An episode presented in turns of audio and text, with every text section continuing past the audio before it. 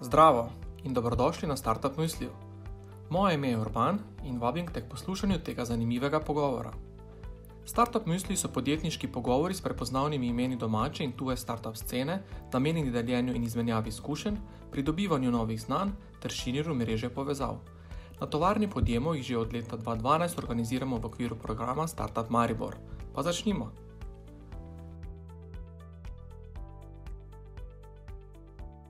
Dobro večer vsem. Po kratkem uvodu, skratka, danes imamo tukaj um, Kristino, Klemna in pa Mateja. Um, govorili pa bomo o možnostih za financiranje podjetniških zgodb z EU sredstvi. Z nami imamo torej um, Kristino, ki iz svetovalnega podjetja Tico Pro, uh, Klemna iz uh, Biosistemika in pa Mateja iz uh, Elafeja. Um, skratka, um, tri podjetnike, ki so zelo aktivno vpleteni v tudi, seveda, tudi v EU sredstva. Kristina, Kočet, Hodrab, dobro večer in lepo pozdravljena. Zdravo, hvala. Dobro večer, v bistvu vsem. Kako si kaj? Uh, Vredo. Jaz se zdaj vnaprej upravičujem, ker je pri nas um, čas za spanje in jaz imam tri male otroke. Tako da to um, časih bo kako troški okal pa kaj takega. Je kakšen pri ve, kakšno dodato EU sredstvih je tudi dobrodošlo, da se nam pridruži, če ima kakšno skrivnost, kakšen trik. Uh, ne vem, koliko so stari, glede na to, kaj počne mama, pa sem prepričan, da že kakšno vejo. Um, Kristina, 950 EU projektov je nekako. Imaš ti in vaše podjetje, prste vmes, um, to je fascinantna številka um, nam malo poveš o tej, uh, o, tej, o tej številki, kaj je za njo, kako dolgo se že s tem ukvarjate uh, in kakšna podjetja so tista, ki so nekako uh, vaša ciljna skupina. Hvala. V bistvu je ta številka, po mojem, zdaj še višja. Mi vsako leto, mi smo 11 let na trgu, vsako leto pripravimo tam med 120-150 projektov. Uh, to je v bistvu naše, recimo, neko poprečje. Uh, uh, večinoma pripravljamo za zrela podjetja ali pa hitro raztoča, v bistvu mlada podjetja. No, to, to so večinoma naša ciljna publika. Ma, po pravici zelo malo, v bistvu delamo za start-upe. Uh, imamo pa tudi, bom rekla, če kdo pride z neko res tako dobro idejo, uh, normalno ne bomo zdaj rekli, da ne delamo, ampak probamo tudi pomagati, tudi potem, recimo, glede nekih uh, cen, pa tega se ful prilagodimo, ker če vidimo, da nekdo pač začel čizi iz nule, uh, vedno tudi pridemo pač nasprotje. No. Mhm. Je mogoče kakšen, kakšen poseben razlog, uh, da, ni, da startupov ni več v, med vašimi uh, strankami, ali je to preprosto zaradi faze? Ne, ful je težko dobiti denar, ko se na začetku, čisto čist iz praktičnega vidika. No. Mhm. Najlažje dobijo sredstva uh, pač podjetja, ki so že nekaj ustvarila, uh, ki imajo za pokazati nek track record. In, uh, v Sloveniji ja, je recimo razpis P2, uh, konkretno uh, recimo akcelerator, bo ta oba dva lahko mogoče več povedala o tem, ampak vseeno. Uh, slovenska podje start-up podjetja so redko kdaj pripravljena na tak razpis, tako akcelerator. No? Uh uh -huh. Okay. O acceleratorju bomo ena izmed magičnih besed, bomo, o kateri bomo danes kar nekaj ja. govorili. Hvala, Kristina, za enkrat. Um, gremo naprej. Um, z nami je tudi Klemen, Klemen Zapančič. Dober večer, Klemen. Dober večer. Tvoja glavna dejavnost je in strast je akustična kitara, kot vidimo na stolu. Kdaj si nazaj zaigral? Ne, to je samo za okras, upam, da se ne vidi prahu. Klemen je današnja glasbena popestritev uh, pogovora o EU sredstvih, uh, heca vse. Skratka, uh, Klemen, uh, torej biosistemika po eni strani digitalizira laboratorije, po drugi strani pa kar. Uh, se ukvarja z drznimi raziskovalnimi projekti. Uh, mogoče malo poveš več o biosistemiki za tiste, ki vas še ne poznamo? Ja, lep pozdrav vsem. Uh, mi, mi združujemo v bistvu IT in uh, life sciences, se pravi tehnologijo življenja. Um, delamo veliko softvera po, po potrebi, predvsem za recimo proizvajalce opreme, uh, tudi nekaj healthcare softvera, Um, gremo pa tudi, ja, pač, uh, bi rekel, imamo pa tudi drzne projekte, shranjevanje podatkov na DNA, biocomputing in tako naprej. Tako da uh, se v, take in v takih in drugačnih kombinacijah vklapljamo v uh, javna sredstva, v razpise, že v bistvu od samega začetka, tako da uh, ja, imamo kar nekaj kilometrov že iz tega.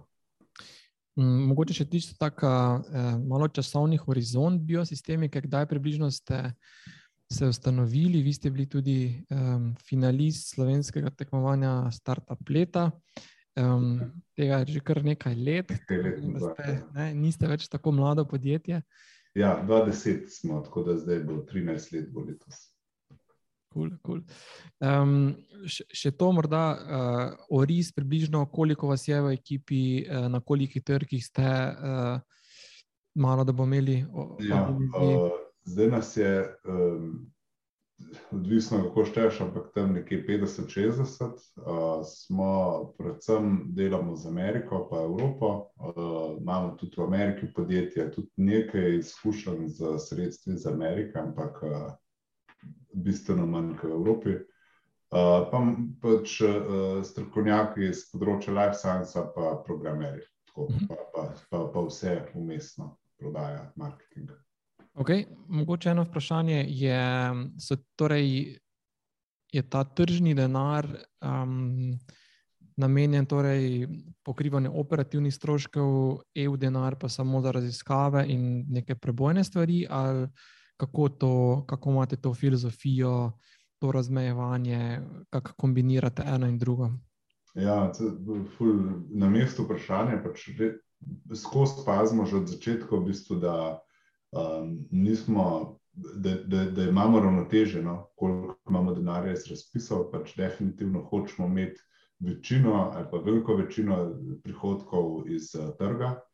Um, Tudi na razpis se ne bi nikoli prijavili z neko stvarjo, ki je ne bi šli delati drugače. Um, in v bistvu samo pač razpise zelo, kako bi rekel, zelo um, zelo strateško, pa zelo premišljeno gremo v njih. Um, tako da um, imamo pa različne poglede, se pravi, eno je čisto za financiranje razvoja, to je pač najbolj pogosto, kako se lotimo.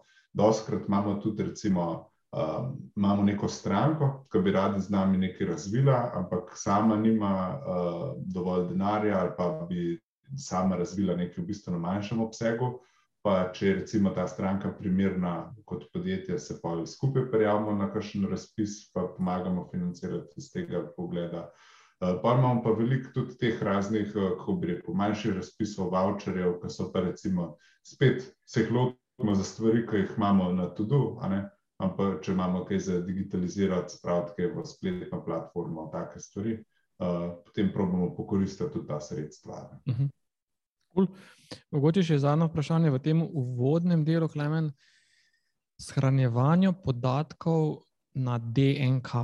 Sliši se futuristično, zanimivo, um, pa popolnoma nepredstavljivo. Um, mi dva smo sicer o tem že klepetali, veliko sem o tem razmišljal. Um, daj nam mogoče malo poljudno razloži, kaj. Uh, pri vragu pomeni shranjevanje podatkov na DNK. Torej, na mesto trdega diska bomo imeli v naših uh, računalnikih uh, dele človeške, kaj, uh, kože, DNK, -ja, kaj, kaj, na kaj bomo shranjevali ta naše podatke in kakšne podatke. Ja, slišiš se, sliš se futuristično, ampak uh, tako pa, ko začneš številke dati na kup. Uh, Pa vidiš, pa, pa pogledaš tudi, kaj že je na trgu, no, da, da je veliko tega že obstaja se pravi, čist preprosto podatkov, veste, kako generiramo, koliko je pač shranjevanje teh podatkov, je če dalje večji problem. Um, iščejo se nove medije, ne obstoječi mediji imajo fizične hard-coded omejitve, ki pač se jih ne da rešiti, se pravi, tle bo treba. Da bomo shranjevali vse te podatke, ki nastajajo, bomo rabili drugačen medij. Uh, mi izhajamo iz biologije, tako da nam je to področje domače. Uh, DNA je najbolj uh, informacijsko gosta molekula na planetu, oziroma pač znana. Uh, narejena je bila skozi evolucijo z namenom shranjevanja podatkov, Ne? Se pravi, tudi logika, kako so podatki gor zapisani, je zelo podobna ali pa vsaj sorodna računalniku. Um, in iz tega vidika je neko logično razmišljanje te pripelje do tega, da pač, če razmišljaš o futurističnih verih shranjevanja podatkov, da pač DNA mora biti v, v tej debati. Uh, seveda to ne pomeni, da bomo jutri pač imeli slike shranjene na DNA, uh, ampak je neka tehnologija, ki se razvija in ima pač že danes nišne aplikacije. Um, hkrati pa pač uh, ne samo shranjevanje DNA, ampak tudi uh, computation, ne, uh, gre vse, pač je, so biološke molekule, biološki mehanizmi uh, uh, na mizi, ki se pogovarjamo. In če govorimo o bioloških computingu, je potem edino logično, da je, so molekule, ki shranjujejo podatke, tudi biološke osnove. Tako mi verjamemo, da. Uh, del komputinga v prihodnosti bo na biološki osnovi in uh, pač poda shranjeni podatki na DNA so nekako prvi korak. Se pa zavedamo, da je to, uh, kako bi rekel, long-term uh, uh, investicija. -hmm. Super, Ej, fascinantno, super. In, uh, čestitke, k tem projektu se še bomo malo vrnili kasneje. Um, tretji gost, če nam je ostal Matej, um, Elafe Propulsion Technologies. Um, Pred kakim tednom, ko smo bili na vezi, um, bi bil ob tem času, po mojem, na kosilu, ne, bil si v San Franciscu, devet ur nazaj. Um, povej, uh, kaj počnete v Lafe, zanimivega in kaj ste, kaj ste zgoraj zdaj uh, počela na zahodnji obali Združenih držav pretekli mesec. Ja, drži. Lepo zdrav sem. Uh, torej, v Elafe razvijamo kolesne elektromotorje oziroma na splošno pogone za električna vozila prihodnosti. Uh, torej, kot sem že omenil, gre za uh, motorje, ki jih v večini primerov ustavimo v kolesa vozila in na ta način uh, sprostimo kar precej prostora za potnike, zato uh, izboljšamo učinkovitost, uh, eliminiramo mehansko transmisijo in vezano na stranko, na tip aplikacije, lahko v bistvu uh, dostavimo tudi eh, številne druge eh, pozitivne lastnosti k vozilu, recimo povečan, povečana manevrabilnost vozila, izboljšana vozna dinamika, boljše performance, čist vezano na zahteve stranke. Zdaj, podjetje formalno obstaja 15 let, oziroma v letošnjem letu bo že 16 leto v bistvu delamo na tehnologiji, ki je zdaj šele postala nekako aktualna. Po vseh teh letih, recimo zadnje dve, tri leta, nas nekako avtomobilska industrija res v veliki meri sprejema. Uh, tako da je to tudi omogočilo uh, predvsej veliko rast podjetja. Uh, v tem trenutku nas je 150 zaposlenih uh, v Ljubljani, uh, imamo joint venture firmo na Kitajskem, ta je nekako vezana na investicijo, ki smo jo zaključili v začetku leta 2016. Uh, tam je ena manjša ekipa, pa demonstracijska uh, linija za sestavo naših produktov. Uh, sestavljamo pa v bistvu motore zaenkrat večinoma v Sloveniji za vse te naše stranke. In trenutno na kitajskem ne vidimo v bistvu prav veliko dogajanja. No. Nekako se je izkazalo, da uh, je Kitajska še vedno uh, po mindsetu tam, da, da počaka na zahod, ko je neka tehnologija tukaj sprejeta v ZDA, v Evropi, pa potem tudi plasirajo oni. Uh, tako da največ strank imamo v bistvu v ZDA in v Evropi. To so razni, mi rečemo temu, newcomer OEM-i, torej nova podjetja, ki nastajajo, uh, in tudi legacy OEM-i, torej podjetja, ki jih poznamo, ki jih uh, videvamo pač na cestah. Ne. Uh, zdaj, te uh, konvencionalni OEM-i, recimo iz Evrope, so seveda nekoliko bolj konzervativni za tehnologije, kakršno imamo mi, in imamo manjše projekte, razvojne projekte, uh, te newcomeri, torej, ki so pa prišli na trg v zadnjih letih, imajo pa bistveno bolj ambiciozne plane. Ne? Z njimi pa v bistvu že delamo. Vem, recimo iz nule razvit motor ali nek customiziran motor iz police, ki smo ga razvili že v prejšnjih letih, Eh, ali sodelujemo na kakšnih validacijskih eh, zadevah, da testiramo njihove pogone, naše pogone, zelo različno. Zdaj, kar se tiče obiska, ki smo ga imeli v ZDA v, v letošnjem letu, v bistvu so le tri dni v, v zahodnji obali. Oziroma, najprej smo štartali z Sejmom v Vegasu, tam smo razstavljali naše produkte, pa se v bistvu srečevali s trenutnimi partnerji in uh, potencijalnimi novimi strankami. Uh, zanimamo se pa seveda tudi za investicijo in zato smo pa šli tudi na zahodni del, najprej v San Diego do ene stranke, kjer smo imeli delavnice, potem pa do Palo Alta, uh, kjer so se pa dobila z strateškimi potencijalnimi investitorji in, in finančnimi investitorji oziroma visi. Uh, v bistvu tam je precej drugačne, eh, na kakšen način se da priti do kapitala. Uh, mi ga v bistvu ne potrebujemo, da ja. da smo uh, v bistvu sustainable podjetje. Uh, jasno pa je, da je to zelo kapitalsko intenziven segment in za rast in za investicije, ki jih planiramo, zato da bomo imeli recimo proizvodno linijo in da bomo imeli še bolj širok uh, razvojni del, pa moramo kar nekaj investirati. Uh, in vezano na to smo v bistvu tudi precej uspešni z raznimi razpisi, tako lokalno. Zdaj preko MGRT-ja smo bili uspešni pri pridobivanju ene večje subvencije, ki bo aktualna do konca 2024.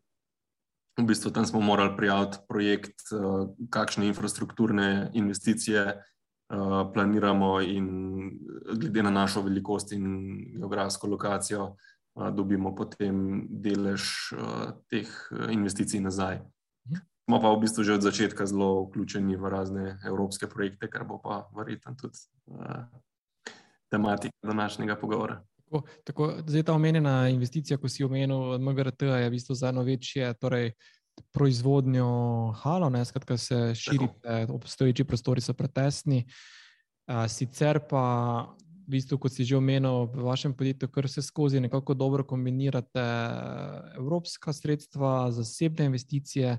Mogoče malo, malo osvetliš te zasebne investicije, kako so si vrstile, kdo je investiral da približno.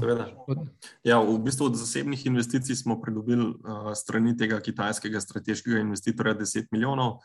Uh, to je bilo za 20% podjetja. Del tega dogovora je bil tudi postavitev joint venture podjetja na kitajskem. Tam smo 49-odstotni lastnik, je pač to tipično uh, razmerje. Uh, seveda, oni so želeli ekskluzivo za kita kitajski trg uh, in da vse, kar bi proizvajali v prihodnosti, da bi šlo iz tega joint venture podjetja.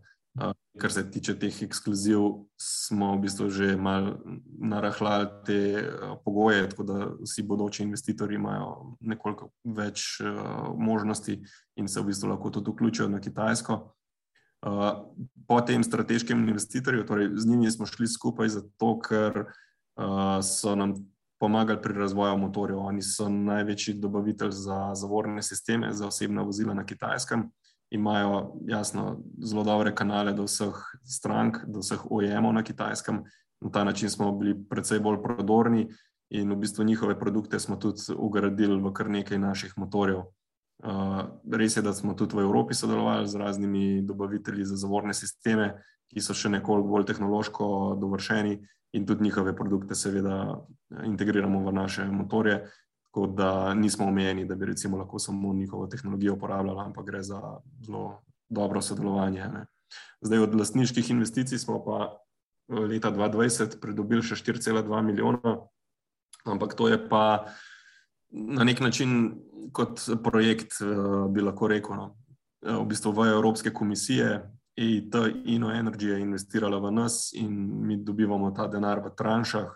Torej, začeli smo z 2020, nekje septembrom, in uh, zaključili bomo z 2023. Uh, mi njim v bistvu moramo tehnično poročati in finančno, tako da je na nek način podoben kot z FP7 in Horizon 2020 projekti. Uh, razlog za to je, da je del tega denarja javen, torej iz naslova Evropske komisije, del je pa tudi iz privatnih eh, virov, recimo Volkswagen, eh, Total in podobne večje firme evropske, so uh, solastnik tega InnoEnergy fonda. Super. Evo, zdaj smo do dobro spoznali, um, kdo je vse danes z nami, kaj počnejo. Tako da zdaj imate tudi uh, super priložnost, da jih tudi um, zastavite kakšno vprašanje, kaj podsukate. Tako, tako da zdaj tudi uradno odpiramo sezono vprašanj, bodi si v čat, bodi si v živo. Uh, Um, tukaj v Zoomu, tako da kar bodite koražni, odprite mikrofon, prižgite kamero in zastavite vprašanje za naše goste. Um, kadarkoli v naslednjih uh, ne, minutah, ki so še nam, torej dobrih, dobrih 40 minut, ki še nam je ostalo, 50. Tako zdaj pa, uh, če mogoče um, začnemo z, da se vrnemo nazaj k Kristini. Uh, Kristina, um, vaše podjetje je torej specializirano za, za EU denar. Mogoče en tak pregled od, od zgoraj, torej zakaj je po tvojem mnenju um, EU sredstvo primerno, pa so EU sredstva primerna vir financiranja, kaj so nekako plusi in kaj so nekakšni minusi? In kakšen je nekako tip podjetja, mogoče faza zrelosti, mogoče um, vem, tip produkta, mogoče panoga, uh, ki je najbolj primerna um, za to vrstno financiranje. Tak um, zelo um, hiter pregled teh ključnih vprašanj, da se sploh umestimo, kdaj, zakaj o teh EU sredstvih se veliko govori, ti pa gotovo znaš to zelo um, skoncentrirano in uh, lucidno povedati. Hvala. Uh, zdaj, recimo, oba dva, ko sta se predstavljala z svojimi podjetji, pa tudi projekti, lahko malo že iz recimo, teh dveh kajsov izhajamo.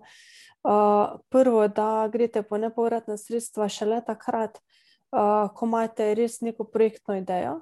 Pa ko rečete, da ta projektna ideja je del moje strateške usmeritve, recimo podjetja. To bi jaz rekla, da je to ful pomembno, da, ne, da se ne prijavljate v bistvu, samo zato, da dobite denar, ampak zaradi tega, ker rečete, ok, ja, bom pa z nepovratnimi sredstvi naredil, ne vem, hitreje, v večjem obsegu, uh, ko bi pa drugače, recimo, svojo obstoječo idejo pripravil.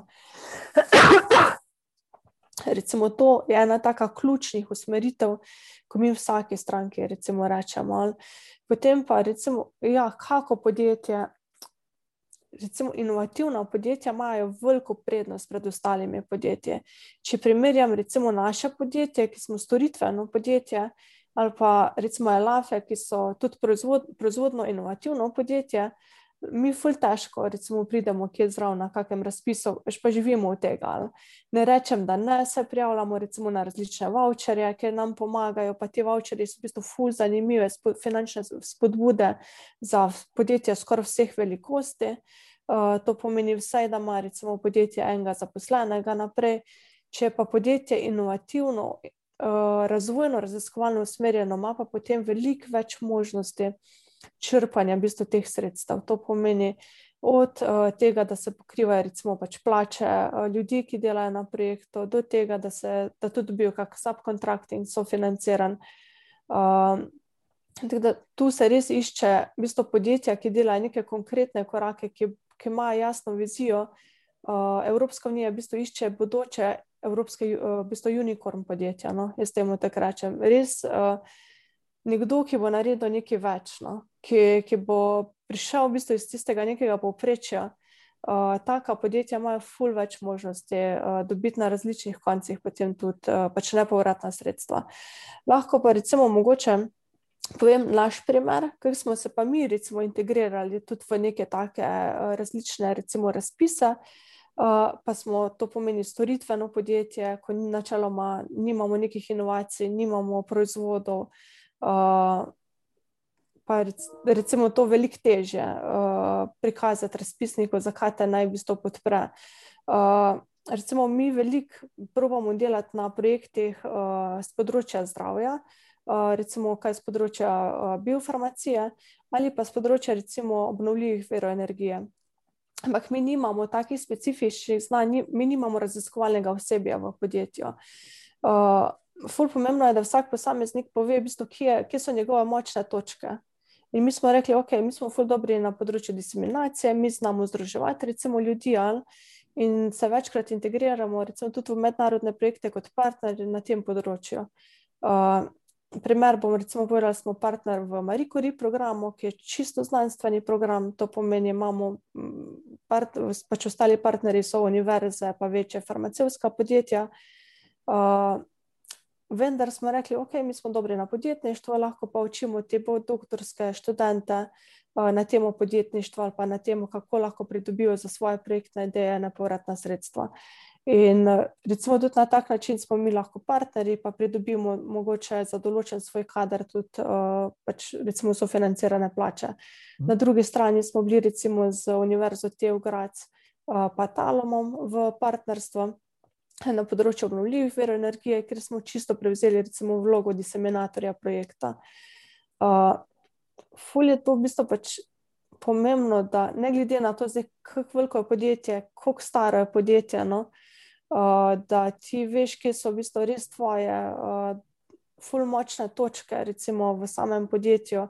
Uh, in da lahko ti tudi doprineseš, recimo, neki konzorcij, če rečemo, da se skupaj s nekom prijavljaš, če se pa sam prijavljaš, pa da prijaviš projektno idejo, ki je pa v bistvu v strategiji tvojega podjetja. Um, zdaj, evropski razpisi, omenila si voucherje, P2 na začetku. Um, kaj približno še na grobem obstaja? Zdaj, sliš, uh, slišali smo um, uh, uh, Mateja, iz, uh, da v bistvu te Ino Energy tudi del evropskega denarja, pa Klemen, v bistvu iz AT Accelerator, skratka, tudi en, ena vreča. Mogoče čak zelo enostavno nam razložiš, kaj so nekako tiste glavne vreče denarja okay. vreče v resnici, ne, na katerih so raz, imena razpisov, na katere se sploh danes lahko prijaviš, ali pa kaj bo mogoče najbolj aktualno zdaj v nekem naslednjem mm. obdobju, malo, da, da, da imamo. Okay. Imamo, recimo, jaz rečem, imamo centralizirane, pa decentralizirane razpise.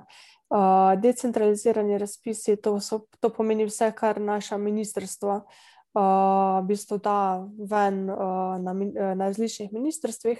Uh, mi večinoma delamo Ministrstvo za visoko šolstvo, pa Ministrstvo za gospodarstvo, obstaja pa potem tudi druge, še kakšne druge razpise. Eh, v okviru tega eh, v letošnjem letu pričakujemo največ razpisov zaradi okrevanja po koroni. V naslednjem letu se pričakuje še kohezija. Kohezijska sredstva dobimo čisto vsakih sedem let, vsaka država to dobi, ki je članica Evropske unije.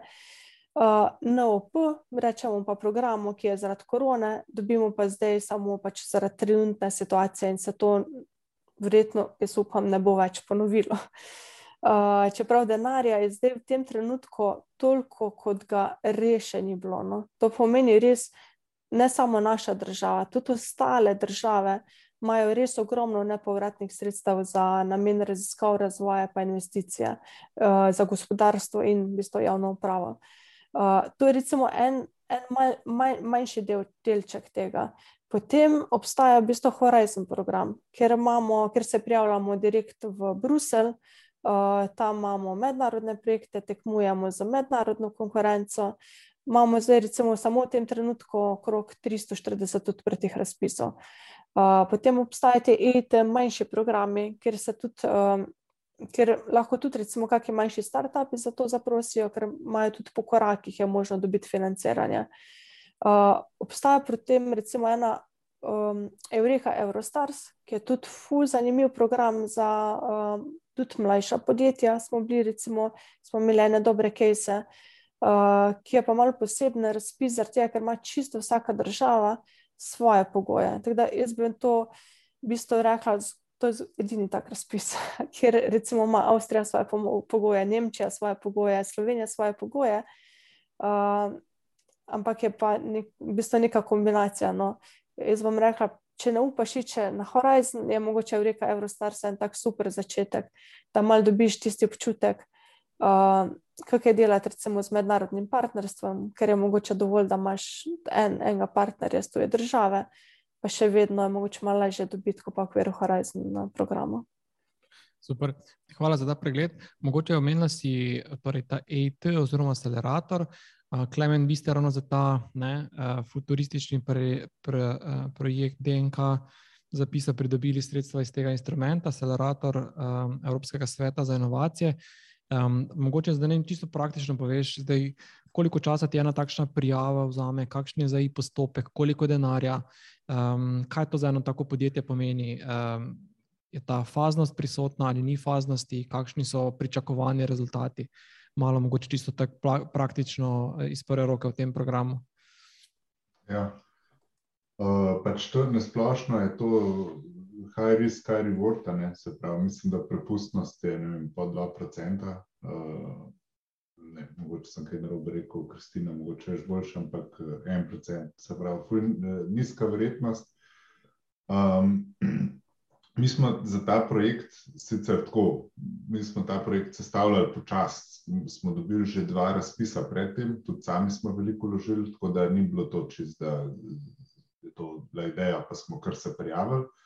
Uh, vedeli smo, da če hočemo to na next level pripeljati, da bomo rabili pač, uh, več denarja, kot lahko sami investiramo. Smo rekli, pač bomo iskali ali investitorje to, ali pa, ali pa nek tak razpis. Ne.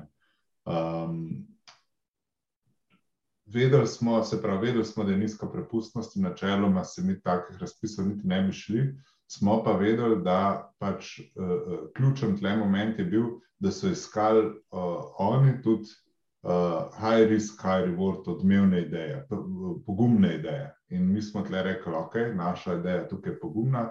Vedeli smo, da je Evropa na, na, na, na področju um, informatike pač full za Ameriko, da je strateško to pač za Evropo pomembno, ne pač Google, Facebook, Microsoft, ne, kaj Evropa nima ene take firme.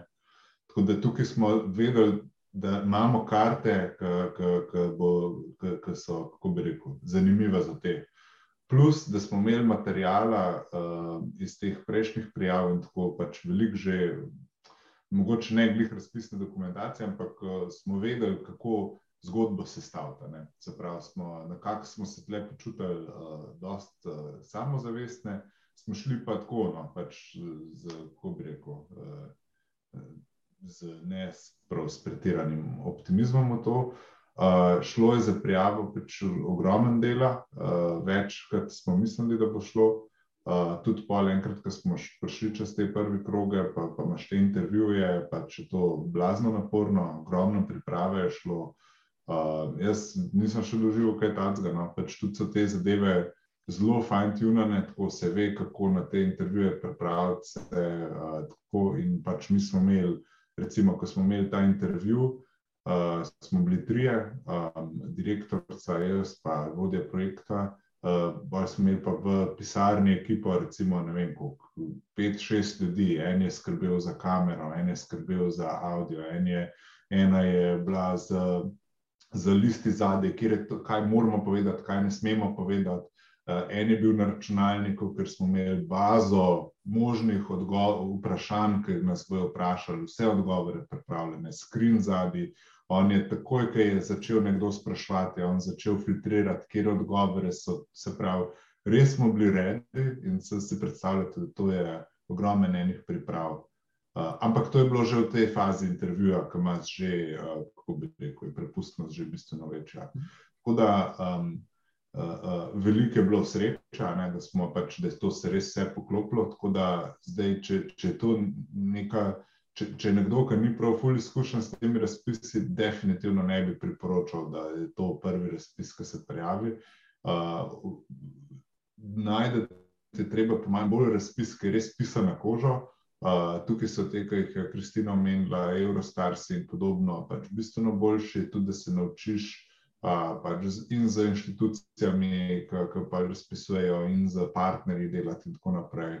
Uh, niso trivijalne zadeve, no, je fajn imeti neko kilometrino. In uh, isto, kot je Kristina rekla, ne, pač tukaj se gleda kilometrina pri teh razpisih. Tako da več kaj denarja, nižja kaj prepustnost. Uh, če imaš track record, uspešne evropske razpise, um, je to definitivno prednost. Naš, mislim, da prvi evropski je bil pač glih uh, uh, Eureka. Um, in in ker, mislim, da smo zdaj že ne par Eurek, pa Eurostarsov, pa, pa podobnih zaključili, da je to neko, kako bi rekel, težo, ker oni najbolj cvikajo, da bo zdaj ta denar dal enemu, ki ga bo nekam spucal, ne? uh, pa, pa, pa bi pa oni slabi spadali. Tukaj smo pač pa če lahko pokažeš, da je to, pa to, kar razpisov smo uspešno zaključili, rezultati so uspešni, firma raste, bonitete imamo dobre, ne to pa uh, um, je bistveno lažje biti suvereno. Dodatno pripričane. Zdaj ja. tudi uh, Matej, ne, če se uh, vrne malo na uh, Elafe. Um, torej, tudi vi imate prav v bistvu projektno pisarno, ki se ukvarja z v bistvu, pridobivanjem uh, financiranj. Um, zdaj, kakšno vlogo imajo torej, ti evropski razpisi v, bom rekel, kolaču vašega financiranja? Zdaj, uh, nekaj denarja zaslužite na trgu, nekaj denarja v bistvu preko čistih lastniških stopov nekaj EU denarja, zdaj kako kombinirate, kako se odločate, kdaj, za kateri projekt, na kateri razpis, mogoče nam malo to neko mehaniko ali pa strategijo, koliko nam lahko razkriješ. Ja, seveda. Torej, kar se tiče te investicije, ki je prišla leta 2016, v bistvu to se je vse investiralo v zviševanje zrelosti produkta, tako da smo imeli na, na razpolago nekako po planu do leta 2018 ta kapital. Eh, kasneje smo pa pač morali se usmeriti v, v sustainability in uh, dejansko pač zaslužiti na trgu. Uh, zdaj v tem letu, mislim, da smo imeli cirka 14 milijonov prometa, uh, od tega je bilo cirka 2 milijona iz naslova evropskih projektov, in med te evropske projekte vključujemo tudi uh, ta InnoEnergy, ki je na nek način equity investicija, uh, s tem, da pač oddajamo določene poročila, tehnična, finančna in na nek način se tretira uh, interno kot uh, evropski projekt. Zelo podoben bi odgovoril glede samih uh, vsebin, kot uh, uh, je, je prej kolega pred mano že omenil. Torej, na noben projekt se ne prijavimo z vsebino, ki za nas ni smiselna. Uh, smo zelo inovativna firma. V bistvu naši produkti niso samo kolesni elektromotori, je tudi elektronika. Predvsem v zadnjih, recimo, petih letih, bi lahko rekel, da kar, kar prednači. In sicer na večino projektov, kjer se prijavimo, vključimo nekakšno rešitev na ključ, da če se gre za neko konverzijo vozila, dostavimo motor, močnostno elektroniko in še kontrolno logiko. Torej, enoto, ki komunicira s posameznimi krmilniki in posledično posameznimi motori. Da je ta elektronika primerna, torej dovolj zrela iz vidika funkcionalne varnosti, je ogromno organizacijskega efforta potrebnega in uh, za sabo potegne pa tudi kar, kar nekaj uh, investicij, tudi finančnih. Uh, bistveno smo morali povečati število elektronikov v podjetju, in uh, kar se tiče projektov, smo pa tudi opazili, da se jim bistveno lažje uh, postaviti ob kvalitetni konzorci, ki ima bistveno večje možnosti za uspeh, če pokrivaš uh, celoto. Torej, lahko dostavimo rešitev na ključ, kar se pogona tiče od baterije, motorja, močnostne in logične elektronike. Mhm. Zdaj, um, kar se tiče teh um, konzorcijev, ne, zdaj in Klemen, in ti, in Kristina sta omenila, torej konzorcije, partnerje, projektne, torej ti se ne prijavljaš vedno sam, ampak večinoma v konzorcijih. Um, zdaj ti konzorciji. Uh, so, so mednarodni, verjetno za večji, večji projekt, bolj mednarodni konzorci, kako izbirati partnerje, kje najdete partnerje, kakšna je tukaj neka strategija, s kom se povezovati, kje preveriti njihovo kredibilnost, ločiti zrno od plevela. Uh, če je to vprašanje še za mene. Uh, ja, torej, v prvih letih smo enostavno se začeli uh, mrežiti na dogodkih, ki so bili temu namenjeni. Uh, pač preko pogovorov uh, pridobivaš informacije glede referenc posameznega podjetja, uh, enostavno poveš, kaj znaš, kaj, kakšne kompetence imaš. Uh, zdaj, v našem primeru je bilo sigurno pozitivno, da smo večinoma ali pa kar 90% z inženirskim uh, ozadjem, fiziki, elektrotehniki, strojniki, In zelo veliko tehničnih rešitev smo lahko doprinesli v vsakem konzorciju. Potem je bilo kar nekaj let, recimo, enega dokazovanja, tako da vedno smo dostavili, recimo, 120-130%, kar smo prijavili, vedno smo naredili več, vedno so bili zadovoljni vsi partnerji z nami. Ko smo se skozi leta, mislim, da nekje 2016-2017, vključili v EGVIA in EPOS združenje, smo imeli tudi možnost pripravljati neke osnutke oziroma tematike. Pri Horizon 2020 projektih in vsaj vplivati na to, kakšni projekti se bodo razpisovali. In ko si v teh združenjih, ti je tudi bistveno lažje določene konzorcije formirati, in na ta način so nas tudi marsikdaj enostavno povabili v, v nek konzorcij, tako da ni bilo treba inicijativo z naše strani dati ampak so nas enostavno ti partnerji po nekaj letih prepoznali kot kvalitetno podjetje, ki lahko doprinese, na katerega se lahko zanesejo. In to nam tudi na nek način omogoča, da imamo zelo visok procent uspešnosti pri prijavljenih projektih. Zdaj, dve vprašanje zdaj za vse, pa mogoče Matej, s tabo začnemo, ko si že ravno pri mikrofonu omenil svoj procent uspešnosti, mogoče meriš, kakšen je ta procent uspešnosti, torej veste, koliko procentov ste jih dobili. Pa drugo vprašanje, zdaj zelo veliko govorite o tem, da seveda je uspešnost na razpisih povezana močno s tem, tvojo referencami, s preteklo uspešnostjo, z neko track recordom, ugledom in tako naprej. Zdaj, to, in to se mi zdi, da je zelo ta nekako problem kura jajca, kako začeti. Isto se mi zdi kot pri službi, skratka, vsi želijo izkušnje, ampak izkušenj ne dobiš, če pač ne dobiš prve zaposlitve, ne. Zdaj, kako priti do, kako začeti, kako do prvega projekta, ne, kako v bistvu priti na ta vlak, verjetno prvi razpis je najtežji, ali se motim, skratka to, torej ta začetek, pa v bistvu procent uspešnosti, pa potem Kristina, pa potem Klemen. Ja, ravno pred tem klicem sem preveril, na cirka devetdeset projektov smo se do zdaj prijavili. Mislim, da šestdeset od tega ni bilo uspešnih oziroma v tem rangu. Naštel sem dvaintrideset uspešnih, mislim, da je sedemnajst že zaključenih, od teh ostali so še vedno aktualni. Kar je mogoče zanimivo, je, da predvsem od leta dva šestnajst smo bili zelo uspešni na Horizon dvajset dvajset projektih, potem dva dvajset tudi s tem InnoEnergy projektom, ki je jasno največji. Glede drugega vprašanja, no, mogoče še to pri prvem, kolegica mi je zapisala, da nekako povprečna uspešnost je enajst procentov, tako da mi smo cirka štirikrat bolj uspešni, ne. In je tudi omenila, da je ključno to, da mogoče izpostavim še enkrat, da je pač štart na kvaliteten konzorcij in kredibilne partnerje, ne, ki bojo nekako prepričljivo pomagali konzorciju, da, da je uspešen. Zdaj v prvih letih, jaz sem dobrih deset let v podjetju, recimo spomnim se, da v tistem času dva deset-dva enajst smo bili uspešni in mislim, da na dveh manjših projektih, to, to ni bilo niti FP7, ampak še nekaj manjše, mogoče Eurostars, to niti ne poznam, aktivnosti.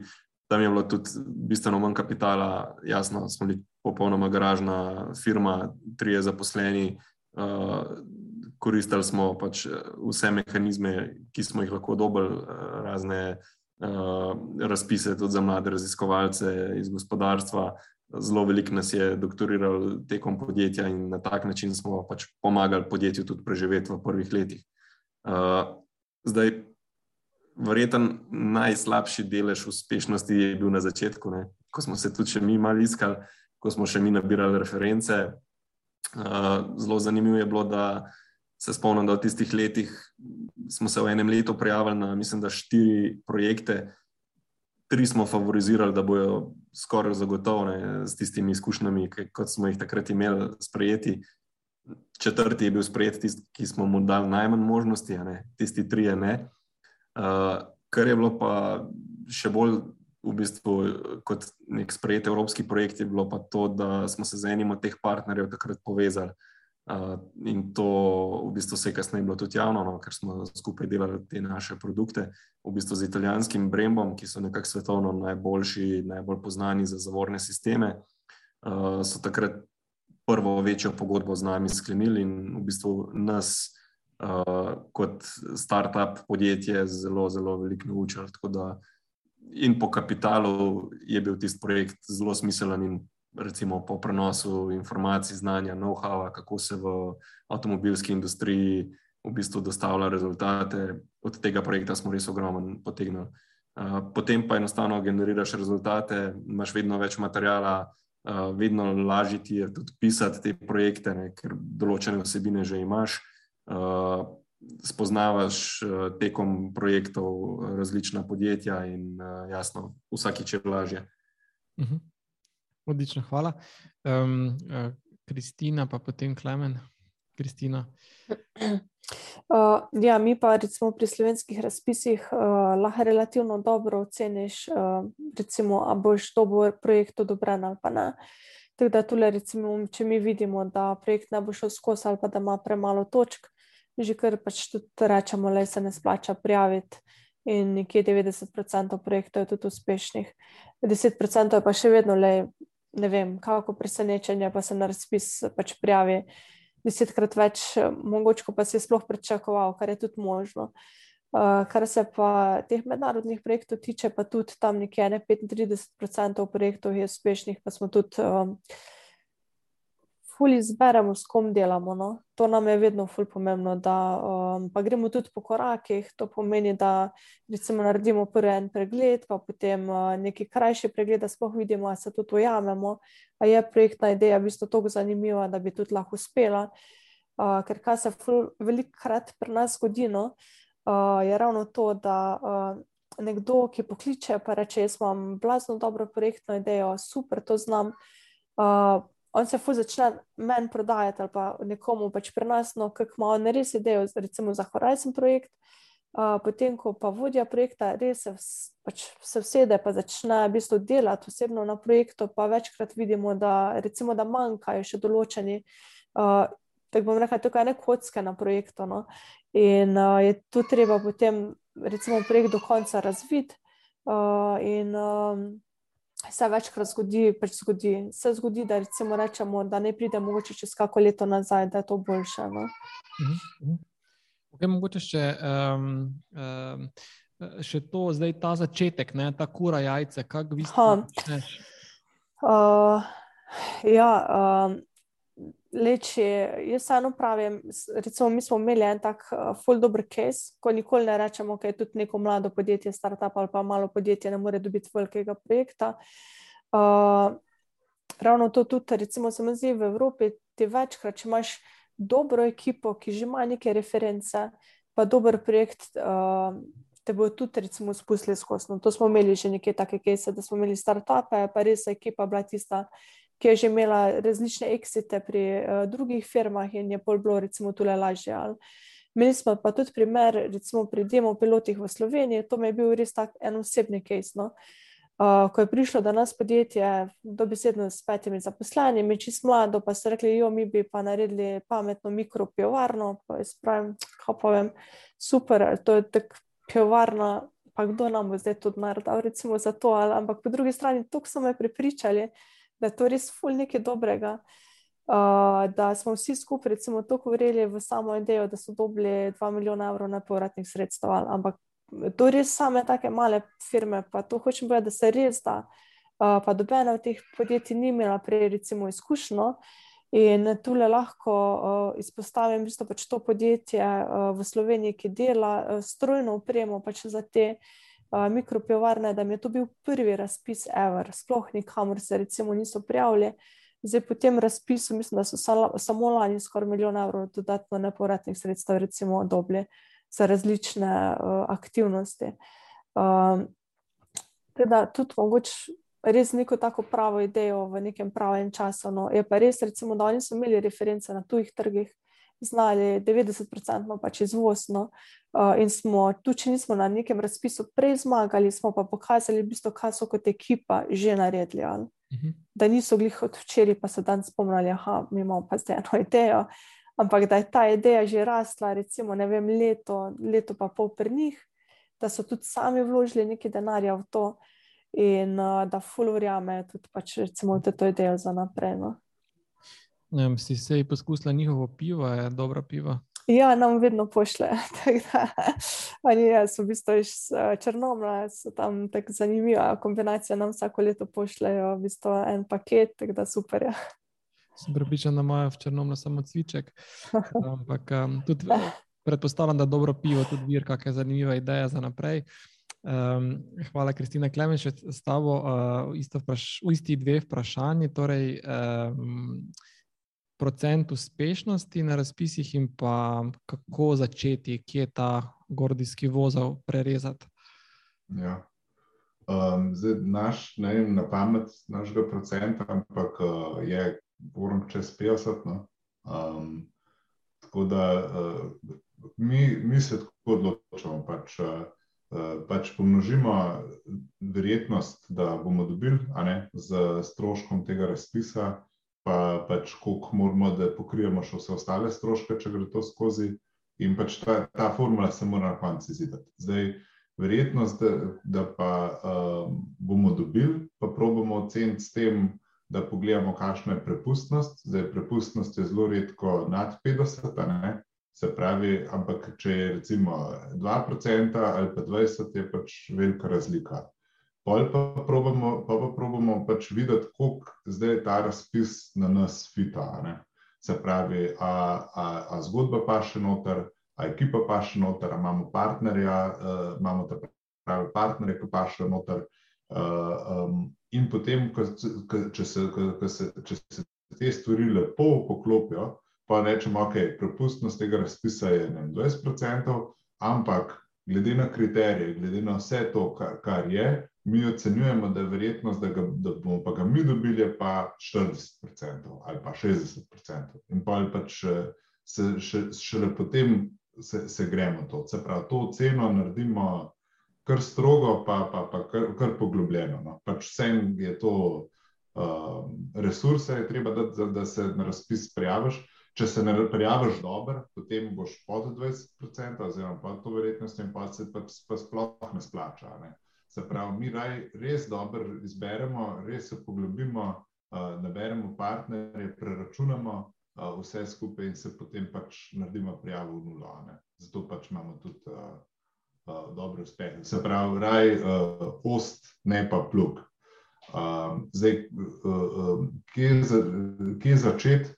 Uh, po mojem, pač, ne, ta, to, Kristina, kar si rekla, ta zgodba, to je po mojem bolj. Uh, izjema, uh, taka, tako da jaz ne bi računal na to. No. Uh, to, po mojem, je very, very unlikely, da, da če si ekipa petih ljudi, da dobi 2 milijona nepovratnih sredstev. Jaz bi rekel, da začneš na 5-2. Pač če če 5-2 ne dobiš, potem zelo verjetno ne boš dobil drugih razpisov. Uh, treba se, logika, kako razpisi funkcionirajo, je drugačna, kot je neka zdrava pamet.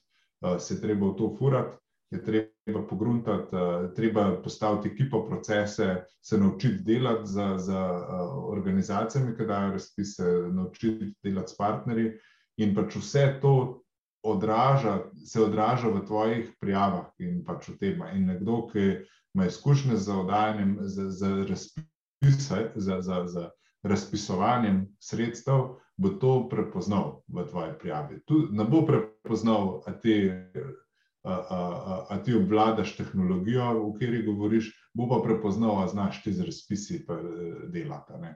Se pravi, tukaj je enostavno nekih bližnjic, če ni, a ne kilometre, dobiš samo tako, da, da jih prepotuješ.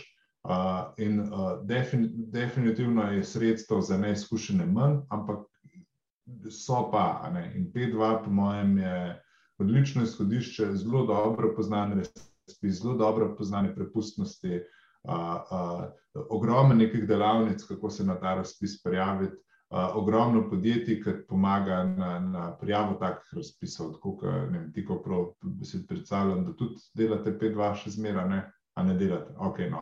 Ampak so pa drugi. A, tako da. Um, To je za začetek. Se nisem eno, da pokažeš reference, da si uspešen bil na razpisih, drugo je pa, da se naučiš, ne, kako je na razpise. Tako da um, to, kukura ali jajce, po mojem, jajce je 5-2. Odlično, končno smo dobili odgovor, kaj prej, kura jajce. Um, super, zdaj um, čas se nam izteka za pogovor, zato res vabim vse tiste, ki imate kakršno koli vprašanje, um, da ga še zastavite, nekaj se je že na klepetu razvijalo. Um, zdaj, dve, mogoče še sklopa vprašanj. Prvi sklop je uh, napake. Zdaj, kje ste v bistvu vsi naredili kakšne kikse, napake, um, predvsem pri, pri prijavi na razpisi, pa mogoče tudi kasneje pri samem črpanju. Tak, kakšna zelo taka očitna, nepotrebna, brezvezna napaka, ki vas je stala kakšnega razpisa, um, ker uh, Klemen, pa potem uh, Kristina Matej. Okay, uh, Največja napaka, ki smo jih mi naredili, je, da um, pač ne prebereš dobre dokumentacije, pa se ne držiš do pika. Ne. Pač razpis, uh, razpisodajalec ne, ne gleda, kako bo te pomogočil posel, ampak gleda, kako se ne bo naredil težavo. Se pravi, če je on napisal tega ne, pol tega ne. ne. Potem, ne govorimo o teh dvojnih financiranjih, pa to pač boh ne dajo okay, to se mi zdi, da je uh, nekaj obvious. Uh, potem uh, veliko napak lahko narediš z izbiro partnerja. Pač, uh, mi partnerje, preden gremo, ali se z njimi dobro poznamo, ali pa se, se zelo, zelo kristalno jasno zmenimo, kaj ta razpis pomeni, kaj je vloga, vse je napisano. Uh, in če se tukaj ne zmenaš, če se tukaj ne, ne moreš najti, če se tukaj zakomplicira, pa ni ta, part, ni ta pravi partner. Ti, če se ti brez tega, da je še ena inštitucija upletena, ne, ne, zmen, ne, ne moreš zmeniti, ali pa se tukaj komplicira, pa, ne, pa je full effort, treba, sam, bo sam problem. Uh, um, se pravi, to um, napake smo še imeli, da um, recimo. Um, en, da smo šli tako, kot smo že večkrat bilo danes rečeno, da greš po, po razpis, zato ker ti misliš, da ti bo razpis rešil cash flow problem, a ne pač ne. Razpis ti kvečem povzroč cash flow problem. Uh, tako da um, to, ampak to so bile take bolj začetniške. Um, to je pa to. No. Uh, pa mogoče potem še. Eh, pač, eh, da, da smo podcenjevali, koliko bo eforta za samo poročanje. Pač vsak, vsak razpis, če, sploh če imaš več razpisov, vsak razpis doda novo dimenzijo kompleksnosti.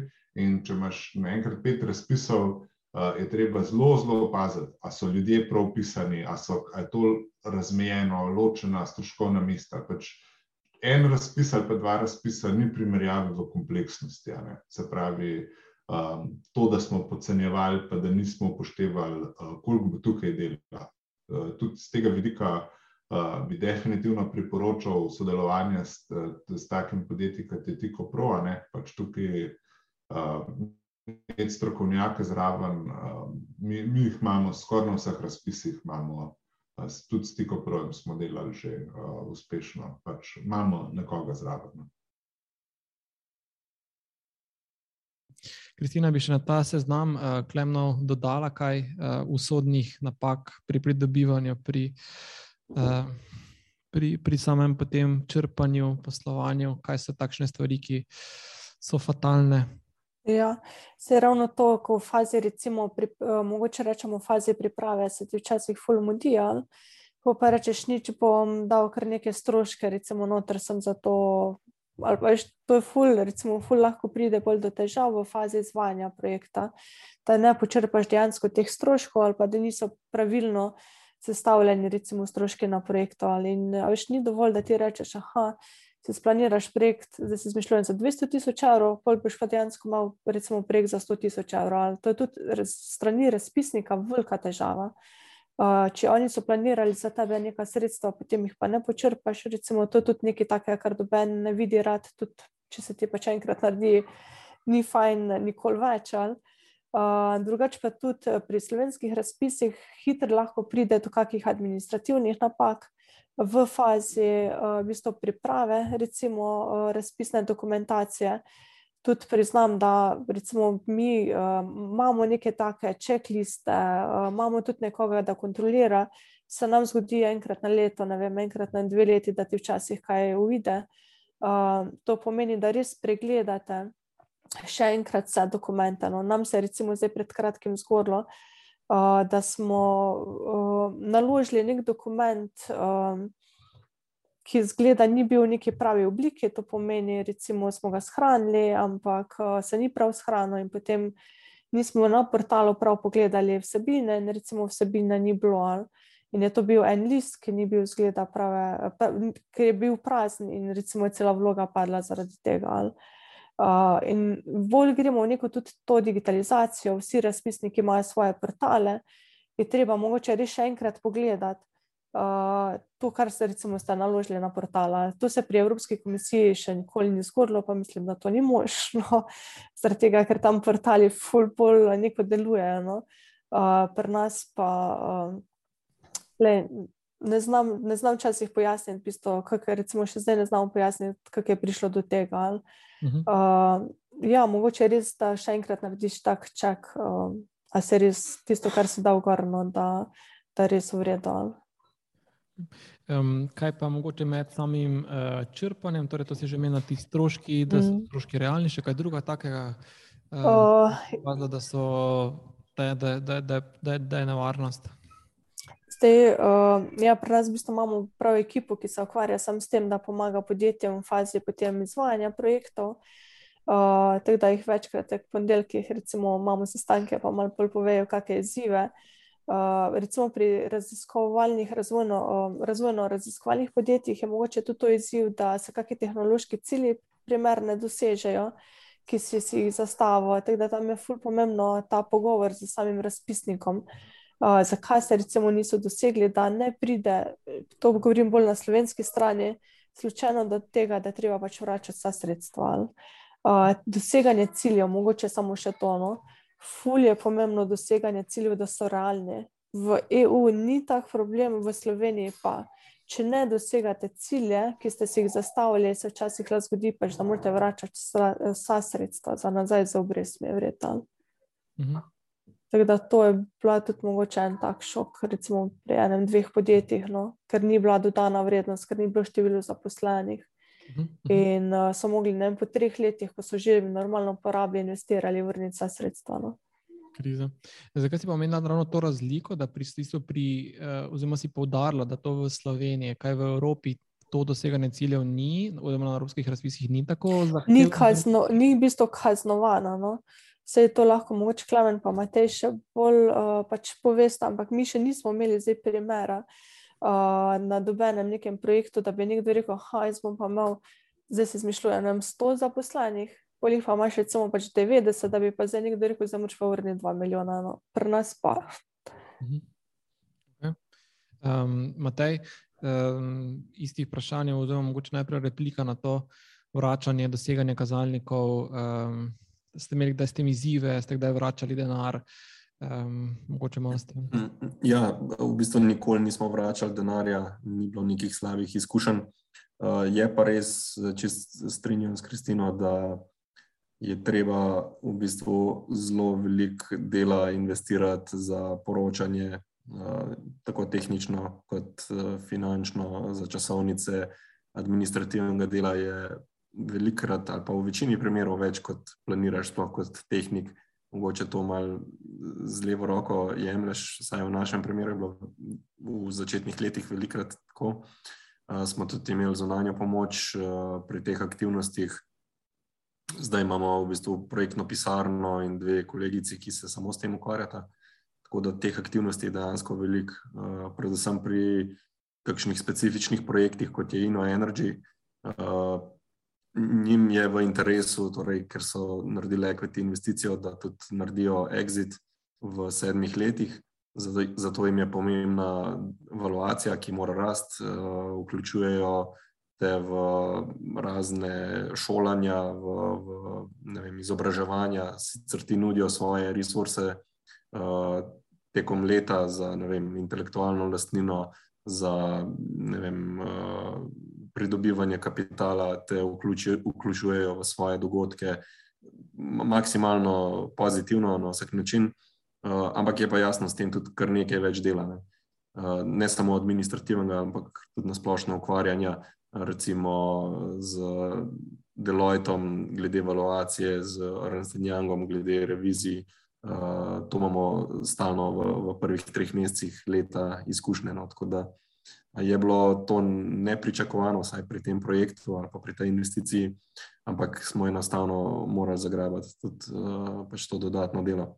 Mhm. Zdaj, mogoče glede teh slabih izkušenj uh, v prvih letih, ja, smo večkrat naleteli na neke nekompetentne partnerje. Mislim, mogoče ni bil problem v podjetju, ampak v posamezniku, ki je bil nekako dodeljen, da, da bo proaktivno sodeloval pri pripravi dokumentacije, pa jasno, ni bil dovolj proaktiven in je projekt dejansko propadel, ni bil sprejet, ker pač enostavno nismo uspeli vsega popisati. Uh, v tistih prvih letih smo brez kakšne zunanje pomoči se lotevali uh, torej pisanja vloge. V našem primeru, kadar smo se interno sami prijavili na kakšne razpise, ali lokalno, ali tudi evropsko, smo z vlastnimi resursi nekako pokrili tudi ta del uh, in koordinirali v bistvu vse znotraj hiše. Uh, je pa res, da pa imamo izkušnje z kakšnimi mednarodnimi konzorci, kjer je bil pa podjetje podoben kot Tiko Pro najet in so nas oni vodili in usmerjali. In tam je pa ključno, da, da se res poglobljeno vsebinsko vključujejo uh, zunanji svetovalci in da vsaj v grobem poznajo uh, do neke mere tudi tehnologijo oziroma uh, prenos posameznika in da jih enostaven uh, priganjajo, da vse tiste uh, svoje aktivnosti zaključujejo uh, znotraj neke časovnice, ki je vsem poznana.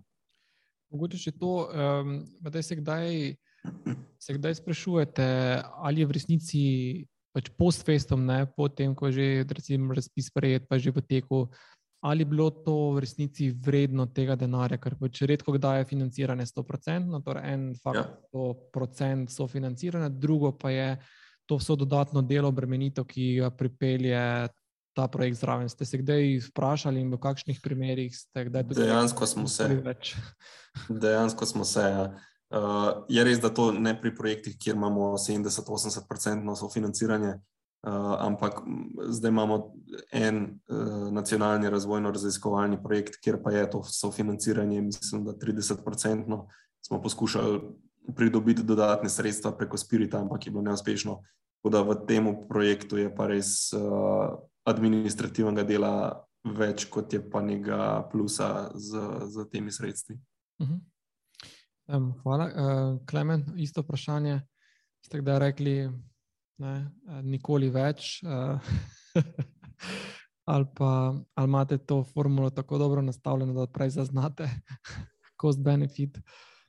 Načeloma prej zaznamo. No. Uh, smo tudi, ki jim, oziroma smo, ja, absolutno smo, ki jim um, uh, vsekali um, drugače.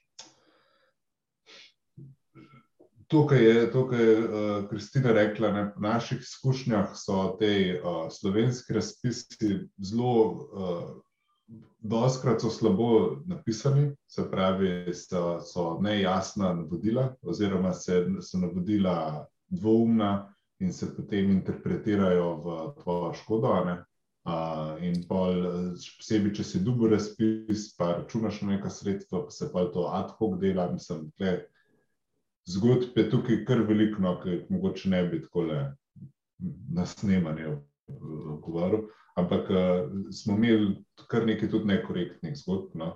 Uh, um, je, uh, v evropska sredstva se tukaj se da ponavadi uh, bistveno bolj, seveda, z argumenti in dokazili, in uh, vnaprej, in pogovori se da veliko bolj uh, obrazložiti, je več fleksibilnosti. Uh, Uh, tukaj se mi zdi, da mi smo malo se gremo to, da smo bolj papiški od papeža. Uh, tako da iz tega vidika, ja, smo, smo imeli predvsem kakšne take, da se niso splačile, so bile slovenske zgodbe, kar je bilo pa evropskega, pa moram reči, da je bilo zelo korektno, no, pa um, na koncu pod črto se praktično vse te stvari splačale. No.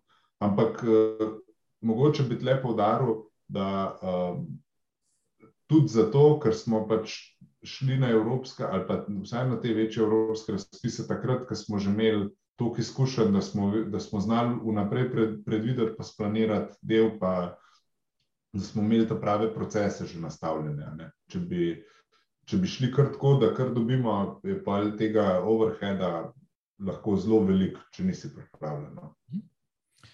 Super, hvala, Kristina. Mogoče še za zaključek, še ti en tak uh, povzetek tudi tega vprašanja, kdaj se splača ta v bistvu preračunati, v bistvu input, output. Uh, ja, v bistvu mi isto tudi recimo za sebe.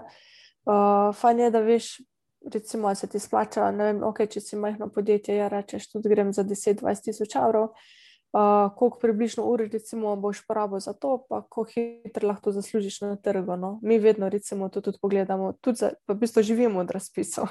Mhm. Pa recimo za 30 ur se mi ne prijavljamo več. Mi rečemo tam nekje, nam je limita nekje od 100 tisoč evrov naprej, da se za sebe recimo prijavimo, da se nam splača. Uh, pol tudi ukvarjati z vso ostalo dokumentacijo. Uh, mi tudi fulj jasno, recimo, probamo to komunicirati z uh, Ministrstvom za gospodarstvo, pa s vrkom, uh, da pač naj probajo mogoče tudi to v naslednjih letih, recimo, malo spremeniti, prilagoditi, da bi bilo lažje. Je treba pa tudi po drugi strani, pač mogoče včasih njih, njih razumeti, da pač rabijo za vsak evro zadnji račun, pa potrdila, kam je pač ta evro šel. Uh, tako da zdaj, pa če rečemo, ta manjša sredstva so namenjena manjšim podjetjem, uh, kjer je mogoče ura še ni toliko, recimo, vredna. Uh, pa ti vsak evro normalno, da pride prav, bolj ko pa raste, v bistvu podjetje, pa normalno si malo bolj selektiven, poiščeš pač večja sredstva. No. Mhm. Super, hvala. Um, mogoče še za konec, Kristina, zdaj. Um, pri, omenila si, da je toliko denarja na voljo, kot še nikoli praktično v tem trenutku. Um, kaj so zdaj razpisi, torej na katere bomo najbolj pod, naj bomo najbolj recimo, pozorni. Skratka, omenila si že ministr za gospodarstvo, um, načrt za okrevanje. Um, mm. kaj, mogoče, ja, v bistvu konkretno. No? Uh, razpisi, recimo različni razpisi za infrastrukturo, to pomeni nakup strojev, opreme. Uh, tukaj bo recimo res štiri različni razpisi v razponu od recimo konkretno od 50 tisoč evrov do 12 milijonov, kar pomeni, da bo res različne velikosti podjetja se lahko prijavila, ker od majhnih do večjih. Potem imamo recimo raziskovalno razvojne razpise, uh, kjer, ki se v bistvu ponavljajo uh, stari razpisi, pa smo fulj veseli, ker so bili takrat vredno sprejeti pri, uh, pri podjetjih. Uh, to pomeni uh, od prototipa naprej do končnega produkta. Uh, za mlada podjetja, mogoče krožno gospodarstvo, je zdaj ena taka tematika, uh, ki bojo podpirali pri uh, startupih, uh, še posebej v bistvu ta model krožnega gospodarstva ali pa inovacije z področja krožnega gospodarstva. No. Mogoče kaj bi poudarila, zeleno pa digitalno. Ni, v bistvu ni več, ne bo možno prijaviti projekta, če ne boš imel nekega zelenega impakta. Ali je to zdaj infrastrukturni ali razvojno-raziskovalni. Uh, In zato tudi res vse te tematike, recimo krožno gospodarstvo, zeleno, obnovljive vire energije, zmanjšanje porabe energije, no, uh, tu se zdaj uh, pač išče neke rešitve uh, z tega področja. Ja, še to, Kristina, um, zdaj to je kar za nekoga, ki se mogoče s tem prisooča, je to kar kompleksno, pa MGRT, pa Spirit, pa uh, SVRK, skratka, cel kup nekih inštitucij. Imate mi mogoče na Tiko Pro, kak newsletter, na katerega se lahko naročiš, pa redno o tem obveščate. Um, ja, uh, v bistvu imamo, uh, bom jaz dala mogoče kar tule na travlink, no, ja, ja, ja. v čat, uh, pa se lahko v bistvu, pač, če koga zanima, se brezplačno tule prijavi, Tako. ko je razpis, uh, v bistvu pošljamo newsletter, če pa tudi ni razpisa, pa tudi recimo. Uh, ja, ja. Okay. Uh, na Startup Maribor si lahko prijavite, tudi kar se tiče teh malih podjetniških startup razpisov, objavljamo tako da. Um, dajte tudi tu uh, se prijaviti, bom Ana Marija boš dala ti kak link do naše spletne strani, da se prijavi. Zdaj zaključek, um, Matej, um, skratka, večja investicija, um, kje si želite, da bo Elafe konec 2022, um, 2022, um, torej novi prostori, um, Ja, tako, tako hitro še ne bo šlo. Uh, mi smo ene pet let investirali, da smo iskali uh, neko primerno, recimo, uh, stavbo v Ljubljani oziroma okolici, pa nismo za naše dejavnosti uspeli najti. Tako da smo šli zdaj v nakup zemljišča uh, na Brniku in v gradno stavbe. To bo nekje, upam, da konec 2023 na voljo za uselitev, oziroma mogoče začetek 2024. Tako da jaz upam, da s koncem leta bomo uh, dosegali te uh, finančne projekcije in plane, ki jih imamo. To se pravi, da precej povečamo sodelovanje z obstoječimi strankami, da dobimo nove uh, in da gremo naprej z investicijami, tako kot je bilo planirano, pa tudi relativno ambiciozno predstavljeno MGRT-ju. Uh, ki, ki so nam tudi uh, obljubili subvencijo na vse uh, investirane uh, stroške. Koliko je limit te nove lokacije, torej LAFE, čez pet let bo to 300 ljudi ali bo to 500 ljudi, uh, zdaj, če smo malo drzni v teh napovedih? Ja, uh, v bistvu bi morali biti preko 300 ljudi, no, glede na te napovedi, ki jih imamo. Če tako rečem, v bistvu v lanskem letu smo zaposlili preko 70 ljudi, tako da smo prišli na 150, v letošnjem letu verjetno vsaj 60 v večini bojo to razvojniki še vedno, ker trenutno dve tretjine zaslužimo nekako z prodajo servisa, torej ali razvojnega motorja ali, ali validacijo za različne motorje, ne samo naše, uh, drugim strankam. Uh, v naslednjih letih pa predvsem pričakujemo prehod na proizvodno, oziroma da ne bo samo ena tretjina uh, produktov uh, predstavljala našega letnega prometa, ampak pač 80 recimo, procentov.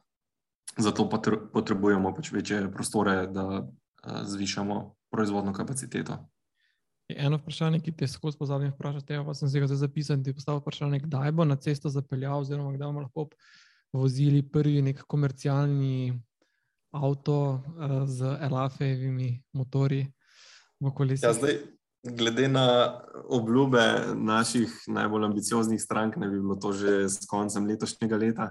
Uh, cool. uh, je res, da so oni vsi, torej, to sta dve stranki, obe dve iz ZDA.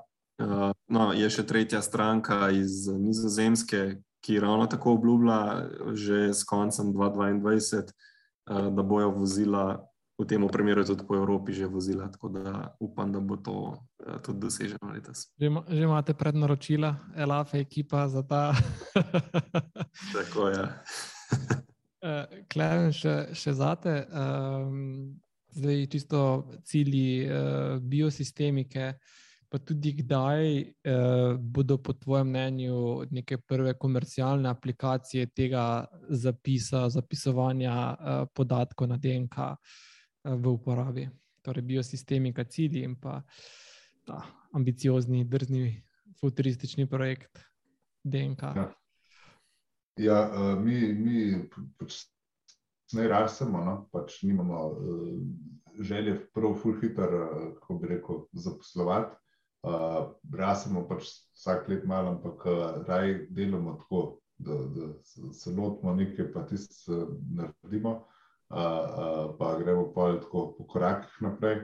Um, ta, recimo, mi, smo, mi imamo cilj, uh, ko bi rekel, produkte, uh, uh, storitvami financirati produkte, razvoj produktov in jih potem počasi spravljati v življenje. Zdaj, en tak produkt je že uspešno za nami, um, podjetje Sajnot.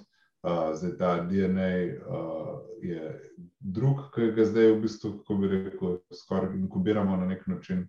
Um, zdaj, mi smo že zapisali uh, biosistemika na DNA, tako da to uh, se že da, uh, že dela.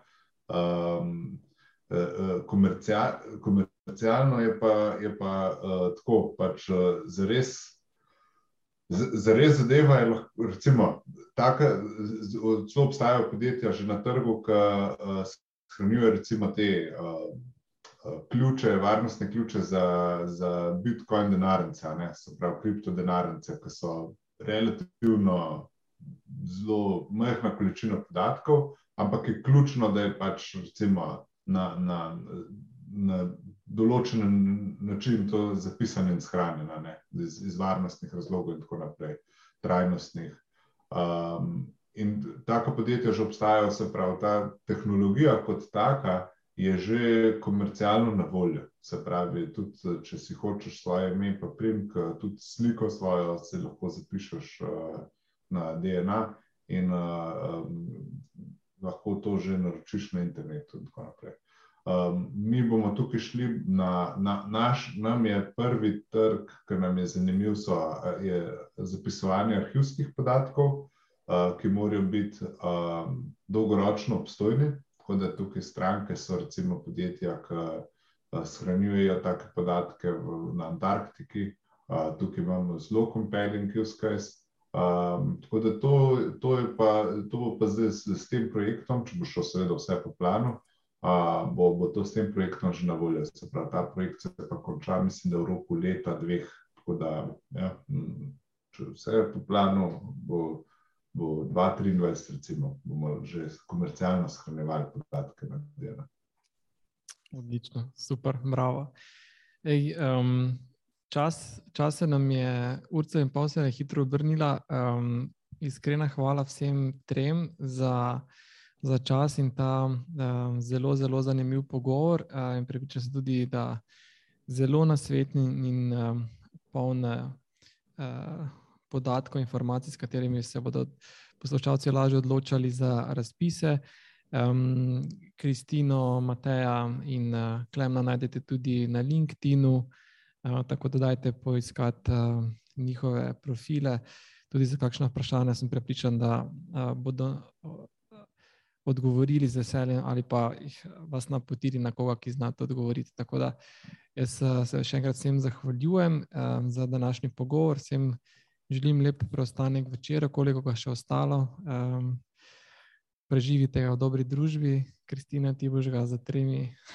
Tremi malčki, predpostavljam, glede na to, da so tam že protestirali. Prej sem slišal, uh, Klemen in Matej, ne vem, uh, kdo, bo, bo vajna družba. Uh, Vsekakor uh, lepo se imejte, uspešno in se vidimo v kakšni uh, drugi priložnosti, v živo ali pa tudi online. Uh, lep večer in hvala vsem. Zdravo in dobrodošli na Startup Mislijo. Moje ime je Urban in vabim k poslušanju tega zanimivega pogovora. Startup Misli so podjetniški pogovori s prepoznavnimi imeni domače in tuje startup scene, namenjeni deljenju in izmenjavi izkušenj, pridobivanju novih znanj ter širjenju mreže povezav. Na tovarni podjemu jih že od leta 2012 organiziramo v okviru programa Startup Maribor. Pa začnimo.